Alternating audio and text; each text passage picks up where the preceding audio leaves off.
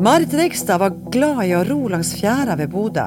Nå leder hun det nasjonale storprosjektet Arven etter Nansen, med ti institusjoner involvert og 740 millioner til rådighet, mens hun fortsetter sin egen forskning i biologi i vannsøyla.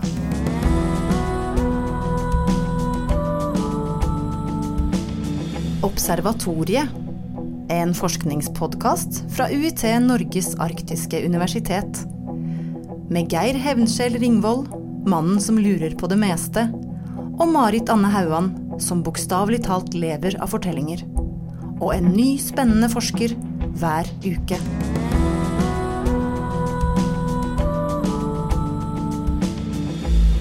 Velkommen, Marit Reigstad. Tusen takk. Du er altså professor i arktisk og marin biologi, og så er du i tillegg prosjektleder for dette staselige og statlige prosjektet Arven etter dansen.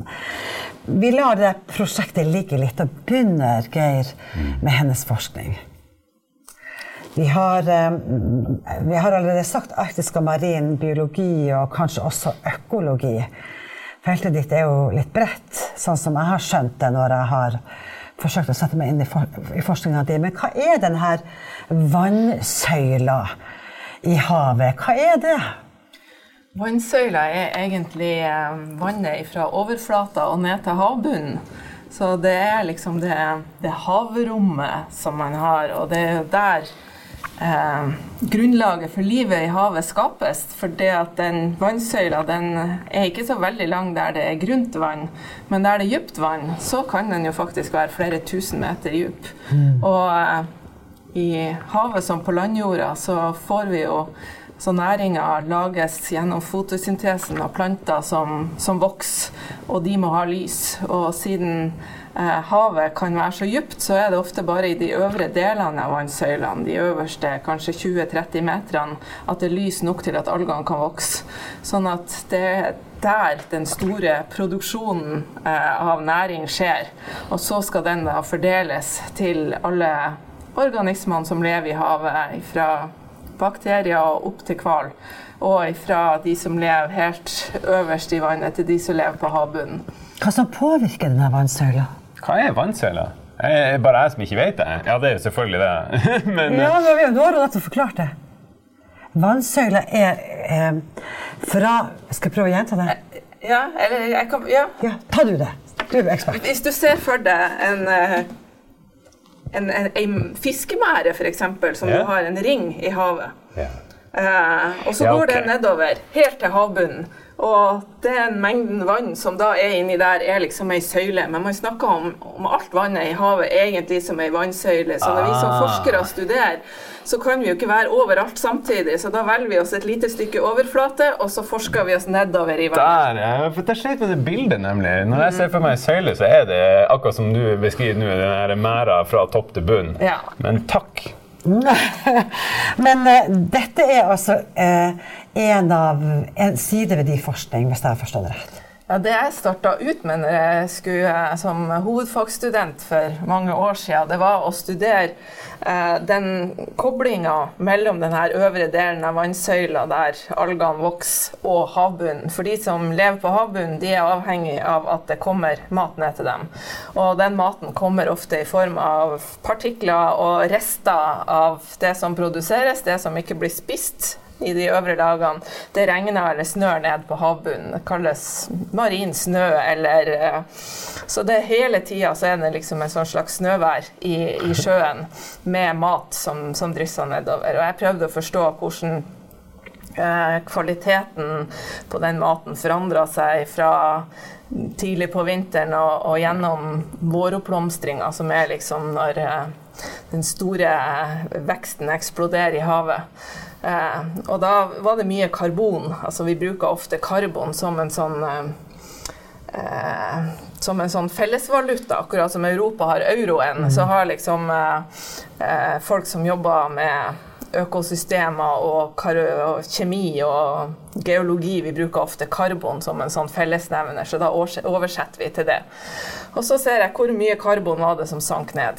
Og så, når jeg skulle prøve å forklare hvorfor jeg fant de forskjellene jeg fant, så skjønte jeg at det handla om at av og til så var det veldig mye alger som ikke ble spist, og som sank ned. Og da var det mye algemat til de som levde på bunnen.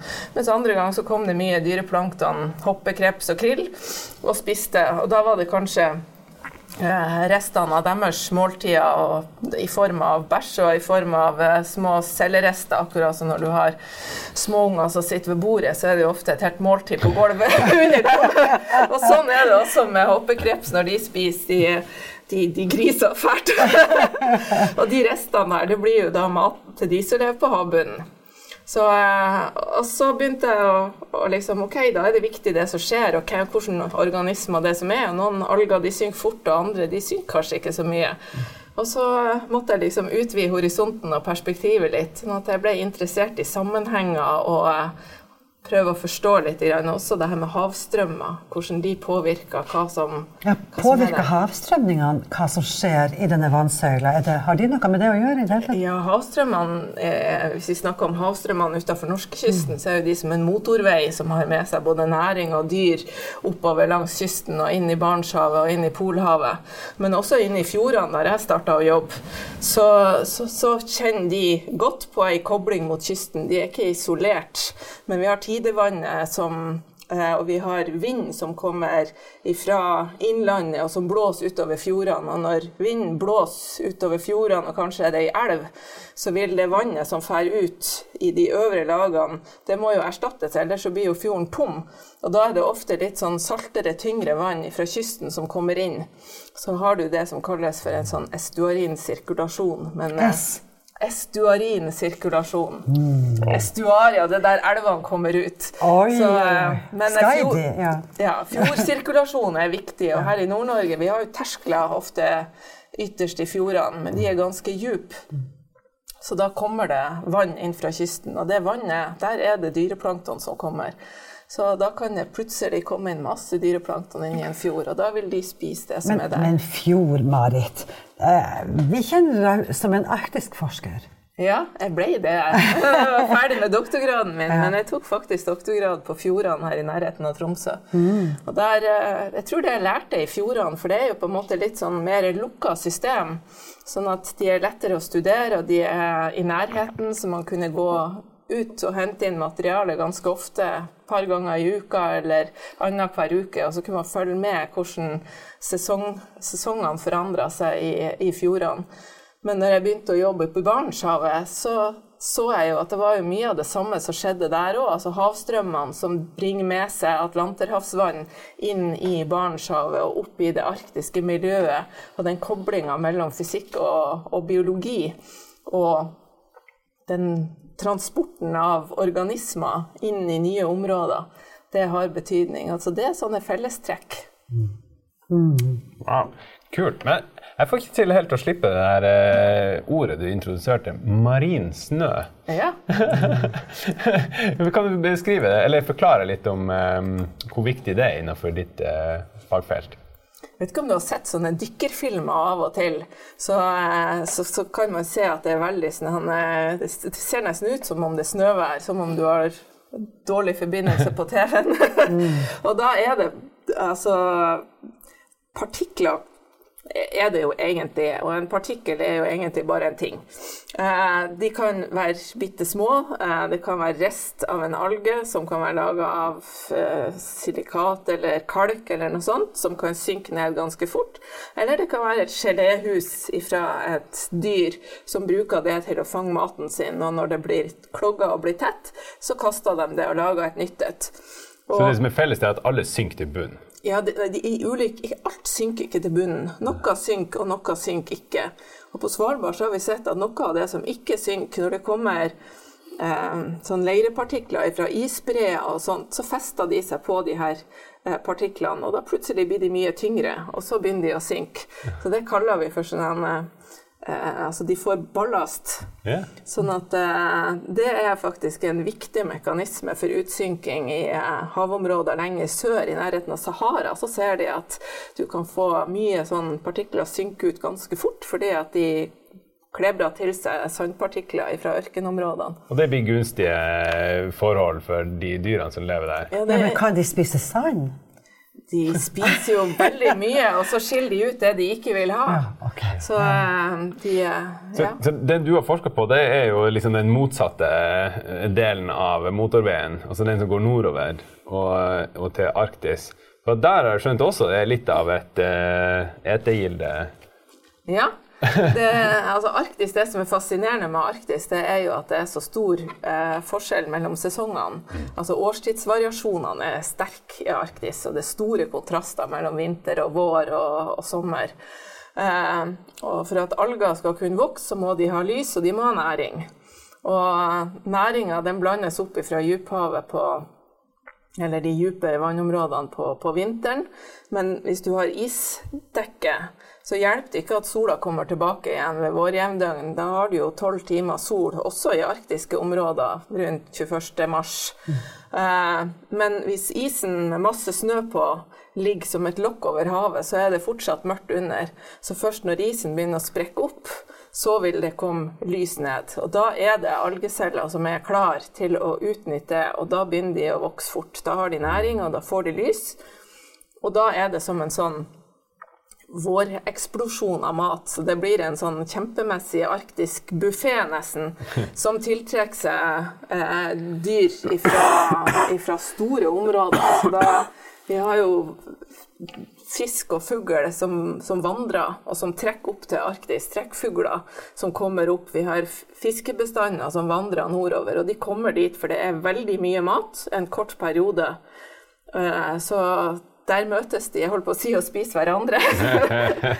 Eh, sånn at den vår, eh, eller blomstringa i den marginale issonen, som det kalles, det området som er dekt av is om vinteren, og eh, der isen smelter og trekker seg tilbake igjen, den er en kjempeviktig sånn matfat for organismene i Arktis. Men du, når vi har denne klimaforandringa som vi også må ta på alvor og snakke om, så sies det jo at 70% av isen er smelta. Både i tjukkelse og i bredde. Så det er ikke 70% i utbredelse, men i, i tjukkelse, målt, målt på begge måter.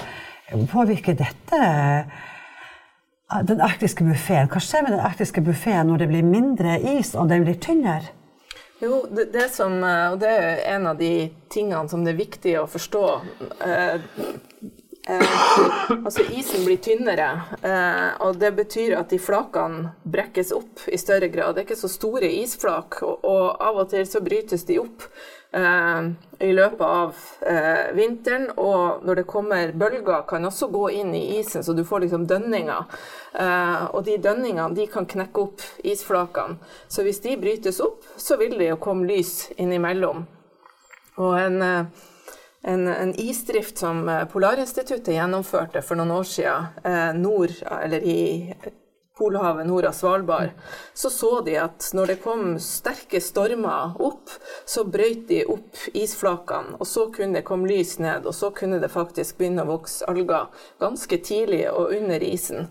Og av og til så, eller noen de observerte at det frøys igjen, altså de henne råkene imellom isflakene. Og da ble det nesten som et sånt vindu uten snø på, for da var liksom snøen var kommet tidligere. Ja. Så da fikk du vinduer som slapp lyset ned under isen, og som ga mulighet for at du fikk en blomstring. Sånn at, og, og satellittmålinger har blitt kjempeviktig for å forstå endringer i Arktis. Og der ser man at eh, isen smelter tidligere på våren, og den fryser til senere på høsten. Sånn at det er en forskyving i sesongene. Eh, og også det at det har vært en økning i noe som kalles for høstoppblomstring. Så på lavere breddegrader så har man denne våroppblomstringa, og så blir det fritt for næringssalter. Men når høststormene begynner igjen, så kommer det næringssalter opp, og så mens det ennå er lys, så kan du liksom få en høstoppblomstring. I Arktis har sesongen vært så kort at det liksom har vært én stor blomstring, og det, that's it. Men eh, nå de senere årene så har man sett at det har vært en økning i en blomstring også på høsten, fordi at det fryser til eh, så seint.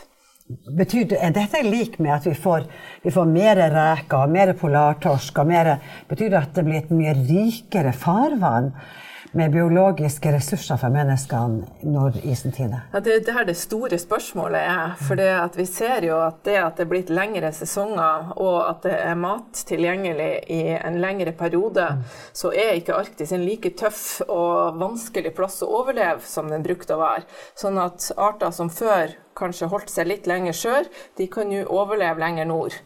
Og de får et mye større område å, å utnytte. Eh, men utfordringa er jo for de arktiske artene som var spesialtilpassa for å overleve der. Eh, for hvordan er det for dem å få så mange nye naboer som kommer fra sør, som både vil konkurrere om maten, men som kanskje også gjerne vil spise dem? Altså Når den norsk-arktiske torsken kommer oppover, så er jo polartorsken gullegod næring. Eh, den er mye mindre polartorsken. Det er en liksom mindre art, så derfor så så polartorsken den har liksom en del av livet sitt så lever den under isen, og en del av livet er nede på havbunnen. Uh, men den er liksom spesialtilpassa til å overleve i arktiske områder. Men når den spesialiseringa som de har uh, eh, utvikla over veldig veldig lang tid, når den ikke lenger er nøkkelen til å overleve, så spørs det hvor, hvor godt klarer de seg da. Og det vet vi ikke helt. sånn at vi vet ikke om vi bare kan ta de systemene som er lenger sør og tenke at sånn blir det lenger nord, eller om vi faktisk må prøve å forstå at kanskje det blir noen helt andre typer system. Det blir nye arter som skal leve i lag, og vi vet ikke hvordan de tilpasser seg hverandre. Vi vet ikke hvor mye næring vil det være tilgjengelig for dem. Er vi der i dag, i 2018, når vi feirer 50-årsjubileet for Universitetet i Tromsø, at vi har flere spørsmål enn svar? Er det ikke sånn bestandig når vi finner ut noe nytt? Vi, finner, vi lærer én ting, og så finner vi ti nye spørsmål.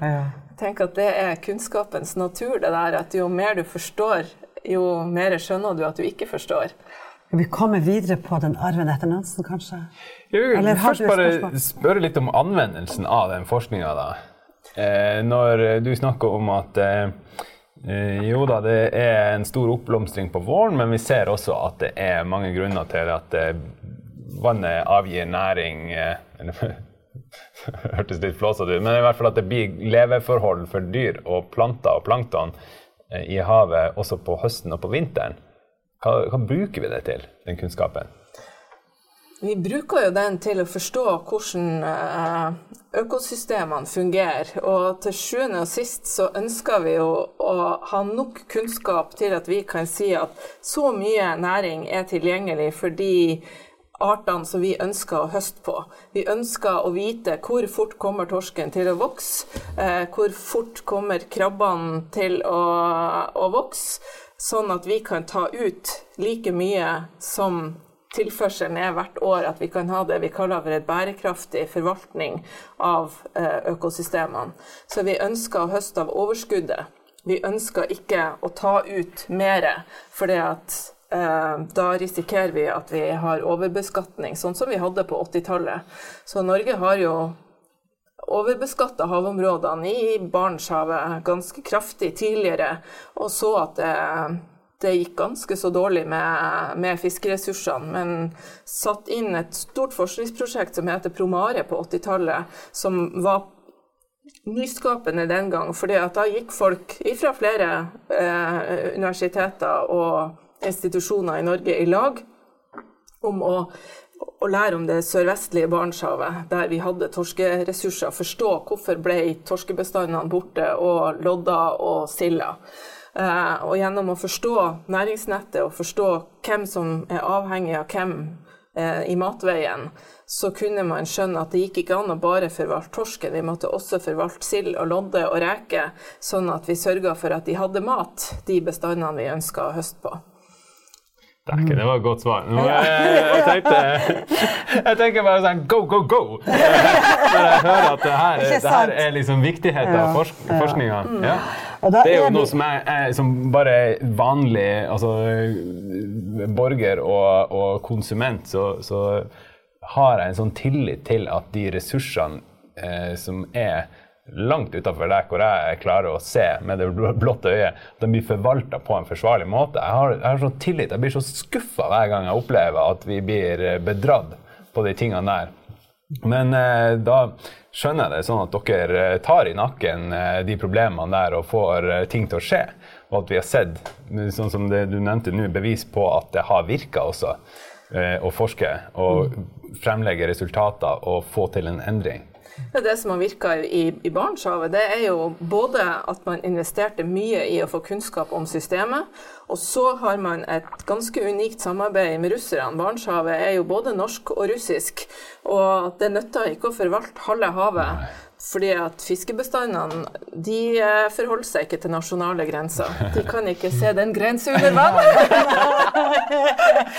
sånn at eh, det å, å, å, gå i lag, eh, de nasjonene som faktisk har interesse i området, og være enig i at det her skal vi ta vare på, så har Forskningsinstituttet og de russiske institusjonene de kjører jo hvert eneste år eh, undersøkelser for å både se altså, hva er næringsgrunnlaget for de artene som det høstes av, og hva er tilveksten. Så de sjekker hvor mye yngel er det, hvor mye, mange yngel har blitt født det her året. Og så er det jo òg det at Barentshavet er jo heller ikke isolert alene. Det henger jo sammen med områdene lenger sør. Så jeg tror jo at det er ikke så mange som er ute etter å bedra det.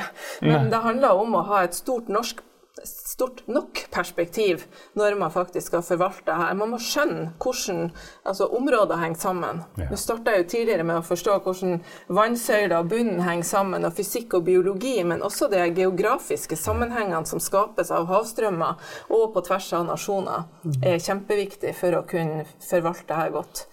Det er vel det, mest suksessrike forvaltningssamarbeidet vi vet om i verden, dette norsk-russiske forskningsbaserte forvaltninga av eh, nordområdene sine fiskebestander eller hav, havsressurser. Men la oss nå gå videre da, til eh, det som vi har så stor grunn for å være stolt av. Vi har altså et prosjekt i Norge som heter Arven etter Nansen. Vi kobler oss jo til Nansen så fort vi kan, om det er for eh, eh, problematikker mellom mennesker. Om, altså, det, det vanskelige med asyl og innvandring. Eller når det gjelder forskning. Og han hadde jo bl.a. oppdaget Skaffa jo Nansen oss en vannhenter. Som du kanskje har brukt? Jeg brukte det faktisk når jeg begynte på hovedfaget. Ja. Så fikk jeg Nansen-henteren. Ja.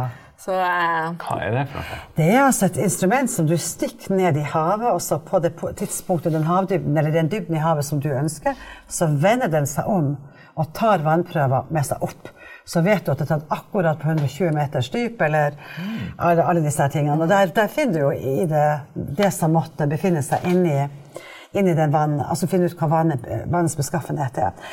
Det, Nansen har jo da gitt opphavet til Navnet hans er med i det nye store prosjektet 'Arven etter Nansen'. Fordi at uh, Nansen var jo en tidlig forsker. Det er Slimålen vi kjenner han for, mest for. Men han var jo en eksellent forsker av sin tid. Jobba på Bergen museum, faktisk, der han tok doktorgraden sin. Og han var jo oppe i nordområdene og fant f.eks. ut at det var mye dypere hav enn vi hadde trodd. Men arven etter Nansen, hva, hva er det i dag? Det er verken vannhentere eller innvandringsproblematikk. Hva er det? Det er vel både òg. Arven etter Nansen er et stort samarbeidsprosjekt. Når uh, de endringene vi ser i det nordlige Barentshavet, som uh, er, har vært istekt om vinteren, de er ganske store. De Klimaendringene vises raskest i Arktis, og området nord i Barentshavet, der Atlanterhavsvannet strømmer inn, er et av de områdene i Arktis der vi ser de største endringene. Og det at isen eh, trekker seg tilbake og blir tynnere, eh, åpner bokstavelig talt området for nærings, interesse for annen næringsaktivitet. Eh, det er jo både når torsken trekker nordover og det er kommet snøkrabbe som er interessant, så er det selvfølgelig stor interesse for å høste av de ressursene i hele det området der de er utbredt. Ehm, det er interesse for olje- og gassleiting, for å se hva man kan finne av petroleumsressurser, turistnæringa og ikke minst maritim trafikk eh, på tvers av Polhavet er jo en drøm som mange har. Så det betyr at det blir mer aktivitet i et område som før har vært avstengt av is. Men vi har ikke nok kunnskap om det området. Verken hadde vi kunnskap nok fra før av til at vi kunne forvalte så godt som vi har gjort i Sør-Vest. Men med de endringene som kommer, så er jo ikke engang det vi visste fra før av, nødvendigvis gyldig lenger. Sånn at det Polhavet som Nansen studerte og utforska i 1893-96, når han drifta over Polhavet, det er på mange måter borte. Sånn at vi må ut, og vi må finne hva er status i dag. Og noe av det som kjennetegner Arktis, er jo at det er store variasjoner mellom år og mellom sesonger. Sånn at eh, det vi har fått til, det er et stort samarbeidsprosjekt med forskningskompetanse både innenfor Eh, atmosfæreforskning, sjøis, havstrømmer, eh, fysiske prosesser med turbulens. Det er biologer som jobber med alt fra bakterier opp til hval. Eh, vi har geologer som jobber for å se på variasjonene i tidligere tider. Og vi har klimamodellører som jobber med hva kan vi forvente at det blir i framtida. Så det å sette sammen all denne kompetansen for å prøve å forstå de endringene som nå skjer på så mange områder, til et kjempeforskningsprosjekt med ti institusjoner som bidrar inn både med ekspertise og med egne midler. Så har vi i tillegg fått midler da fra Kunnskapsdepartementet og fra Forskningsrådet til Arven etter Nansen. Og der er du prosjektleder? Der er jeg prosjektleder. Mm. Men hvem er vi? Du sa ti institusjoner. Hvem er disse vi? Eh, de ti institusjonene det er de fire store universitetene i Norge. Det er Universitetet i Bergen, i Oslo, i Trondheim og i Tromsø. Så er det Universitetssenteret på Svalbard. Og så er det Polarinstituttet, det er Havforskningsinstituttet og Meteorologisk institutt. Og så er det Akvaplan Niva og Nansensenteret i Bergen. Det var noe fint at Nansensenteret var med, så. Ja. Ikke bare i navnet, men i gavnet. ja. Og det som er fint med de her institusjonene, er at vi har litt sånn ulike samfunnsoppdrag. Eh, Polarinstituttet og Havforskningsinstituttet de jobber jo mye med forvaltning og innhenting av kunnskap mot forvaltning, og har det perspektivet inn. Meteorologisk institutt jobber med varsling og det å sette sammen data og tilgjengeliggjøre det for, for folk. Eh, vi har universitetene som jobber, har hatt et grunnforskningsfokus, men også det her med undervisning og utdanning. Og så har vi private forskningsinstitusjoner som også har kobling mot industri og, og næring med seg. Sånn at vi har med oss selv Alle jobber med forskning, og alle har det som en kjernekompetanse. Men vi har litt ulike perspektiver med oss inn. Og når vi setter sammen det, så blir liksom ikke bare fagekspertisen eh, ny, men vi har også en sånn perspektiv inn i prosjektet som jeg tror er veldig viktig. Erfarer dere at, at uh, sammenstilling av de ulike kompetansene stiller nye spørsmål? Ja, det gjør vi fordi vi stiller spørsmål ved hvordan eh, de andre jobber. Vi eh, tror alle sammen at vi eh, gjør ting sånn som alle andre gjør det, men når vi står side ved side på båten og jobber, så er det sånn Men hvorfor gjør du sånn? Hva, hva er det du holder på med, og hva ser du etter? Og, og, men det var spennende, og hvis jeg bruker min metode inn her, så kan vi få til noe annet. Eller hvis du kan noe om det, så er jo det kjempeviktig. Har du noen konkrete eksempler på at det har oppstått sånne eureka-øyeblikk for en av dere? Altså, vi, vi, har jo eh, eh, Vi hadde jo et forskningstokt som var ute på det første toktet med den nye isbryteren Kronprins Haakon nå. Eh, og da var det jo mye tråling. Eh, og på Universitetet i Tromsø så har vi ofte jobba med, med plankton, og både dyreplankton og planteplankton og sedimentering, altså utsynking av partikler og sånt. Men havforskninga, de jobber For dem så er liksom eh, zooplankton kanskje det minste de har jobba med. Og så jobber de mye med fisk og næringsgrunnlaget for fisk. Men når de eh, tråler og får opp alle de her eh, trålene fulle av fisk, så har vi noen som tar med seg organismer til undersøkelse av miljøgifter. Noen studerer mageinnholdet. Vi kan studere det vi kaller for stabile isotoper, som er som kjemiske spor som settes i økosystemet eller opp gjennom næringsnettet, som kan fortelle litt om hvem som har spist hvem. Eh, sånn at da får vi plutselig nye organismer tilgjengelig, og vi ser nye metoder, og vi, vi, vi vi stiller nye spørsmål rett og slett fordi vi ser at andre er opptatt av andre ting og kan ting vi ikke kan. Veldig spennende. Men du ga et lite stikkord der. Du sa altså prosjektet, det store, staselige prosjektet Arven etter Nansen, det har hjemmehavn i Tromsø. Og i tillegg har FF Kronprins Haakon hjemmehavn i Tromsø.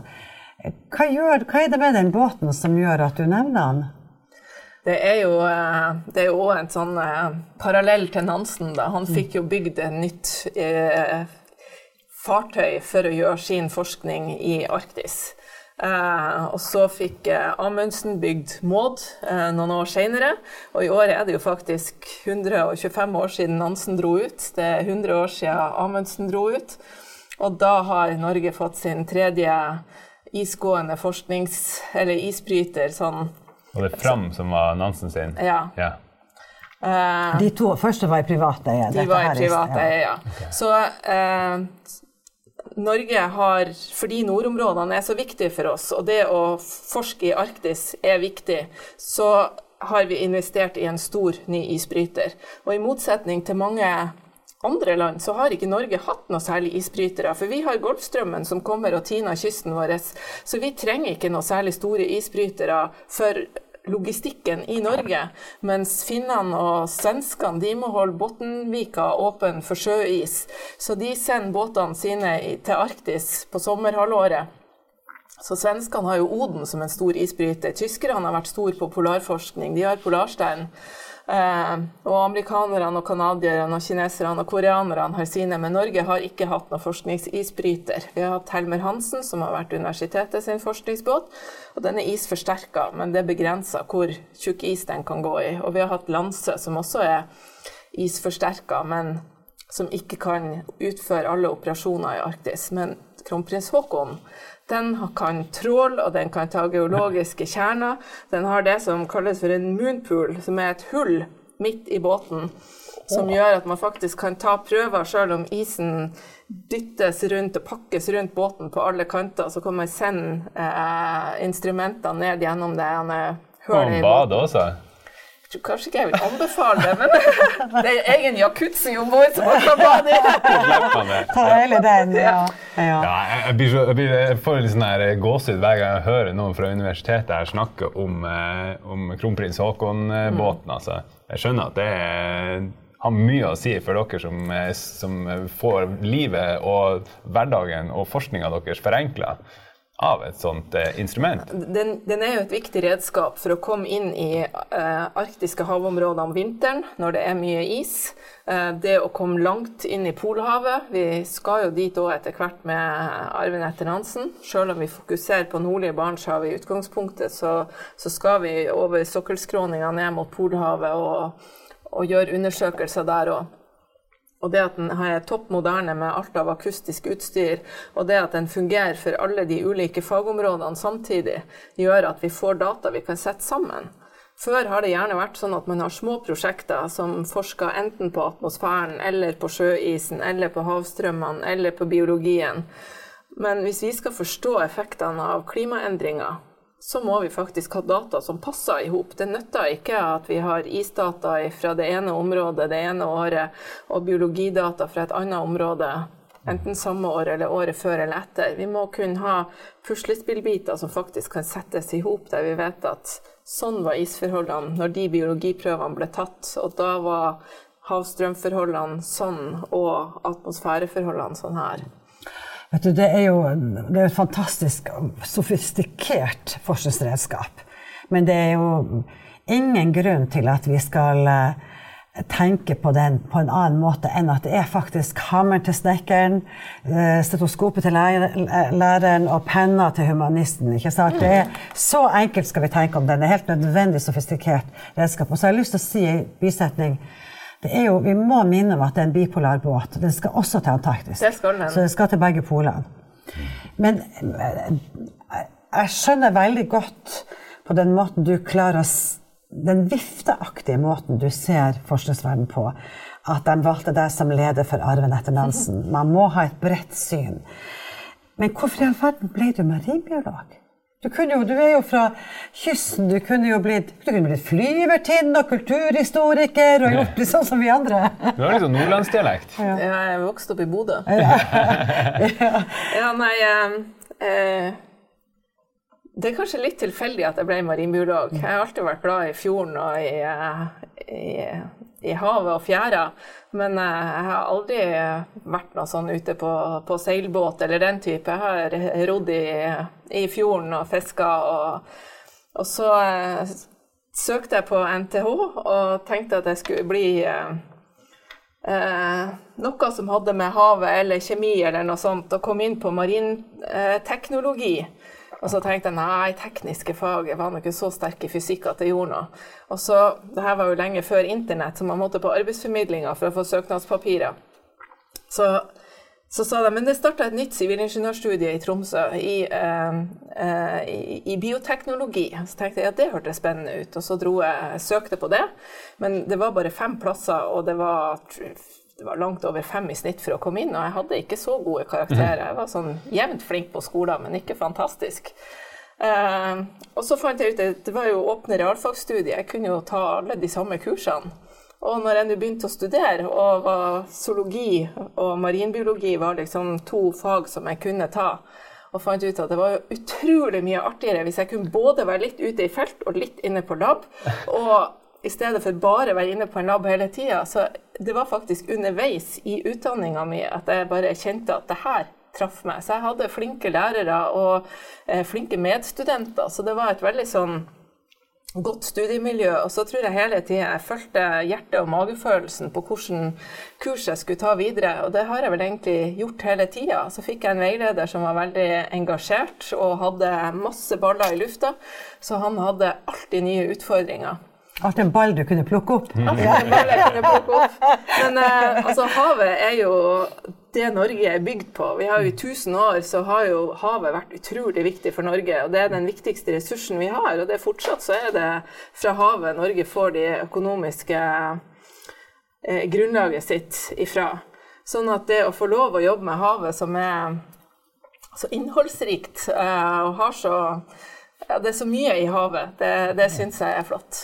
Og nå er det du som er ballutkasteren. Nå er det jeg som er ballutkasteren. Jeg er heldig som har veldig mange flinke folk å spille ball med. Ja. For det her er jo ikke et enmannsprosjekt. Det er jo 140 eh, forskere som vi allerede har på plass fra de her institusjonene, og vi har 50 rekrutteringsstillinger vi skal besette. fordi at den, den forskergenerasjonen som ble utdannet under Promare-prosjektet, de er i ferd med å gå av med pensjon. Så de er nå 65 pluss. Og de norske utfordringene og kunnskapsbehovet i Arktis i framtida blir ikke mindre. Så vi trenger rett og slett en ny generasjon med forskere som både har kjennskap til hverandre og til andre fagområder, som rett og slett utdannes for framtida. Og det håper vi å få til i arven etter Nansen. Nydelig avredning. Ja, jeg syns du svarer bra på alle de punktene vi bruker å ha helt på slutten, ja. som er eh, hvorfor er det viktig, og hvorfor er det viktig om 50 år, og hva er veien videre. Jeg syns det var godt oppsummert. Kjempefint. Tusen takk, Marit. Vil du vite mer om Marit Reigstad, hennes visjoner og forskningsretning, gå inn på uit.no 50 og hør hele podkasten på Soundcloud, iTunes eller andre podkastapper.